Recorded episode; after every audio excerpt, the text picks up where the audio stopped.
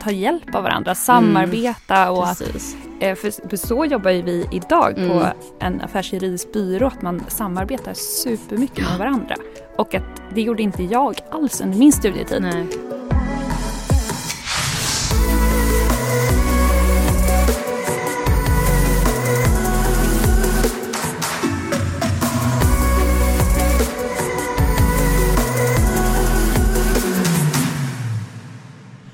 Ja men hallå hallå, Nischad är tillbaka nu efter ett litet sommaruppehåll. Och om du inte lyssnat tidigare så är detta podden för dig som är nyfiken på hur det är att arbeta på en större affärsjuridisk advokatbyrå. Här intervjuar vi medarbetare på AG Advokat med ämnen och frågor som berör studenter och biträdande jurister.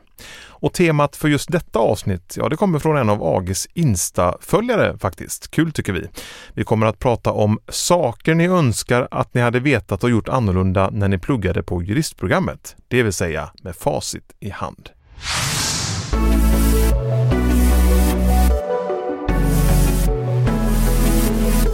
Till vår hjälp att besvara frågan så har vi bjudit in eh, två biträdande jurister, Isabella Blomdell och Stefanie Torres. Välkomna till studion och podden.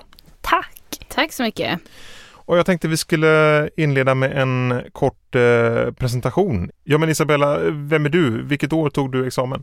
Jag tog examen våren 2018 eh, och började direkt efter det på AG och inom eh, transaktionsgruppen där vi jobbar med eh, köp och sälja fastigheter och allmän och speciell fastighetsrätt. Och sedan har jag också suttit i ting i ett och ett halvt år och är sedan mars nu 2021 tillbaka på AG. Och Stephanie, Mm. samma fråga till dig. Stephanie Torres heter jag och eh, jag tog examen i januari 2014 och därefter så satt jag ting. Direkt efter det så eh, har jag varit i domstolsväsendet ett tag och sen så körde jag på byrå och jobbar nu på AG sedan mm, juni 2018. Mm. Och eh, jobbar då i tvistegruppen där jag hjälper våra klienter att driva tvister.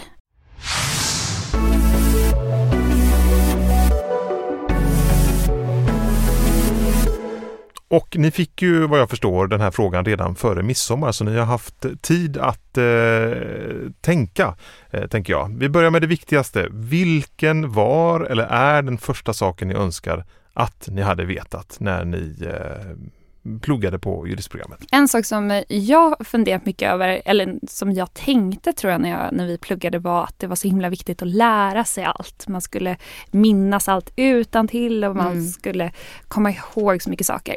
Men det som är en väldigt viktig sak som jag tänker på är att man behöver inte lära sig allt utan till. Utan det viktiga är att lära sig den juridiska metoden för det är den som sen man kommer ha en användning av i yrkeslivet. Man var väldigt sådär, ska man säga manisk, att man skulle lära sig vad som stod på varje Mm. sida i de här böckerna som man skulle läsa inför varje tentamen. Så att Mm. det är ju någonting som jag nu känner att det skulle jag ju inte ha gjort utan mer lära mig, som Isabella sa, den juridiska metoden för att kunna finna svaret. Mm. Och nu känns det jäkligt eh, töntigt men den här jäkla finna rätt-boken, alltså den, den var faktiskt bra. Och det tänker jag också är en viktig grej att när man är ny på jobbet efter examen att det är ingen som förväntar sig att man Nej. kan särskilt mycket. Utan det enda man förväntar sig är att man har ett engagemang och Mm. driv och Mm. förstår hur man ska ta reda på svaren. Precis.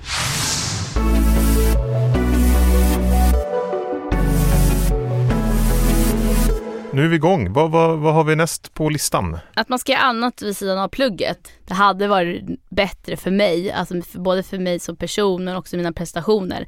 Att jag hade kanske haft kul på vägen och inte bara läst den här boken 40 gånger liksom och bara malt igenom den. Eh, Och kan det handla liksom om träning Ja. eller samla frimärken eller någon Ja, ja, annan alltså- hobby? Som- alltså det kan handla om vad som helst, vad, det som gör din dag. Mm. Eh, Ja, framförallt så har man ju så otroligt mycket fritid när man är student och man har en otrolig flexibilitet att utnyttja tiden och plugga på det sätt som passar en själv. mm. Vissa var ju, nu hade vi lite olika Ja. studieteknik. Du var ju i biblioteket. ja, jag tog det som ett heltidsjobb. Ja, Mm. Jätteoinspirerande nu. Ja. Gör inte det.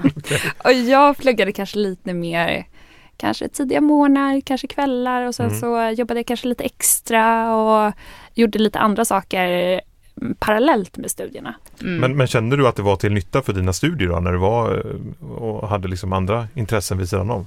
Kanske inte till nytta för mina studier, men jag känner att det i efterhand, när jag var klar med plugget och skulle söka ett jobb, så var det, tyckte jag i alla fall, att jag, och jag kände mig väldigt trygg i det, att jag hade jobbat med lite andra saker parallellt med studierna och man hade fått in, jag kanske var sommarnotarie på någon domstol och fått in lite så här hur det funkade där och, och så. Mm. Så det tyckte jag var jättemeriterande också så här, för att AG är den enda byrån jag varit på. Att det kan också vara en, ett sätt att få en liten känsla för hur, hur liksom yrkeslivet är. Ja men precis. Jo men så tycker jag också. Sen så, jag pluggade ju en hel del men jag jobbade ju också. Ehm, så att jag tror att min, mitt sätt var inte rätt sätt. Att sitta där i biblioteket åtta timmar per dag och sen jobba också. Ehm, man blev ju helt slut. Så Mm. att jag tror att man kanske ska hitta någon form av mellanting. Ehm, plugga, jobba och så se till att inte att göra det liksom åtta timmar plus åtta timmar så. Mm. Men sen är det ju så himla olika för alla och det gäller väl att hitta sin grej Mm. liksom, som passar en själv. Okej, nästa punkt. Isabella, vill du ta den? Ja, men eh, att vara ödmjuk inför framtiden tror jag är en viktig grej. Jag tror många som börjar läsa på juristprogrammet har en tydlig idé kring vad, varför man pluggar juridik och vad man ska bli när man är klar med plugget. Och sen så tas man ju med på en resa som är fyra och ett halvt år Mm. av studier och man får test, man läser jättemånga olika rättsområden och får liksom upp ögonen för många saker som man kanske inte riktigt visste att man skulle tycka var kul eller intressanta. Och att vara öppen för vad det att, att följa det man tycker är kul och intressant och inte vara så insnöad på det man trodde skulle vara ens framtid utan att man kan Mm. hamna någon annanstans också. Men jag kan ta mig som ett jäkligt bra exempel faktiskt. För jag var ju så jäkla insnöad på att jag skulle bli åklagare.